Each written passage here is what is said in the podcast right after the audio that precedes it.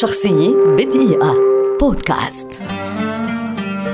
جورج ويا لاعب كرة قدم ليبيري شهير ولد عام 1966 ويعد أحد أفضل اللاعبين الذين أنجبتهم القارة السمراء على الإطلاق ومن أبرز أساطير كرة القدم في تاريخها على مستوى العالم. بدأ حلم ويا الكروي في فرنسا عندما انتدبه أرسن فينجر المدرب السابق لأرسنال للعب في صفوف موناكو واستطاع خلال 14 عاما قضاها في فرنسا أن يصقل موهبته لينتقل بعدها إلى ميلان العريق في العام 1995 وفي هذا الفريق اعتلى القمة إذ توج بجائزة أفضل لاعب في العالم وحقق الكرة الذهبية عام 1995 ليكون بذلك أول أفريقي يفوز بهذه الجائزة ولا يزال الوحيد حتى اليوم.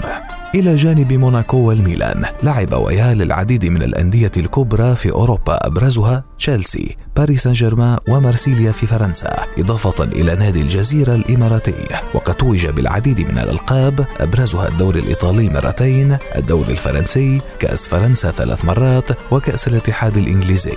حمل نجم ليبيريا العديد من الصفات الجميلة وسجل الكثير من المواقف النبيلة تجاه بلده إذ رفض الحصول على أي جنسية أخرى كما رفض اللعب في أي منتخب غير ليبيريا رغم أنه منتخب ضعيف حرمه المشاركة ولو لمرة واحدة في كأس العالم. وسجل ويا ظهوره في 75 مباراة مع منتخب ليبيريا نجح خلالها في تسجيل 18 هدفا وقد توج بجائزة لاعب العام في أفريقيا ثلاث مرات. عاد ويا إلى بلده وتبرع بأمواله لإعادة ترميم البنى التحتية التي دمرتها الحرب الأهلية وساهم بعد عودته في إيقاف الحرب وتوحيد صفوف شعبه إذ أدى دور رجل السلام الذي يقف بين المتنازعين. ترشح جورج ويا لرئاسة الجمهورية وخسر في حملته الأولى في العام 2005 ثم خسر مجددا في العام 2011 وفي عام 2018 أصبح أول رياضي في العالم يشغل منصب رئيس الجمهورية. ووقفت أفريقيا كل أفريقيا مهللة ومباركة للأسطورة الكروية المناضلة في أحضان بلدها الأم.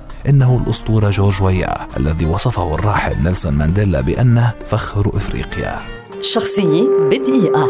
بودكاست.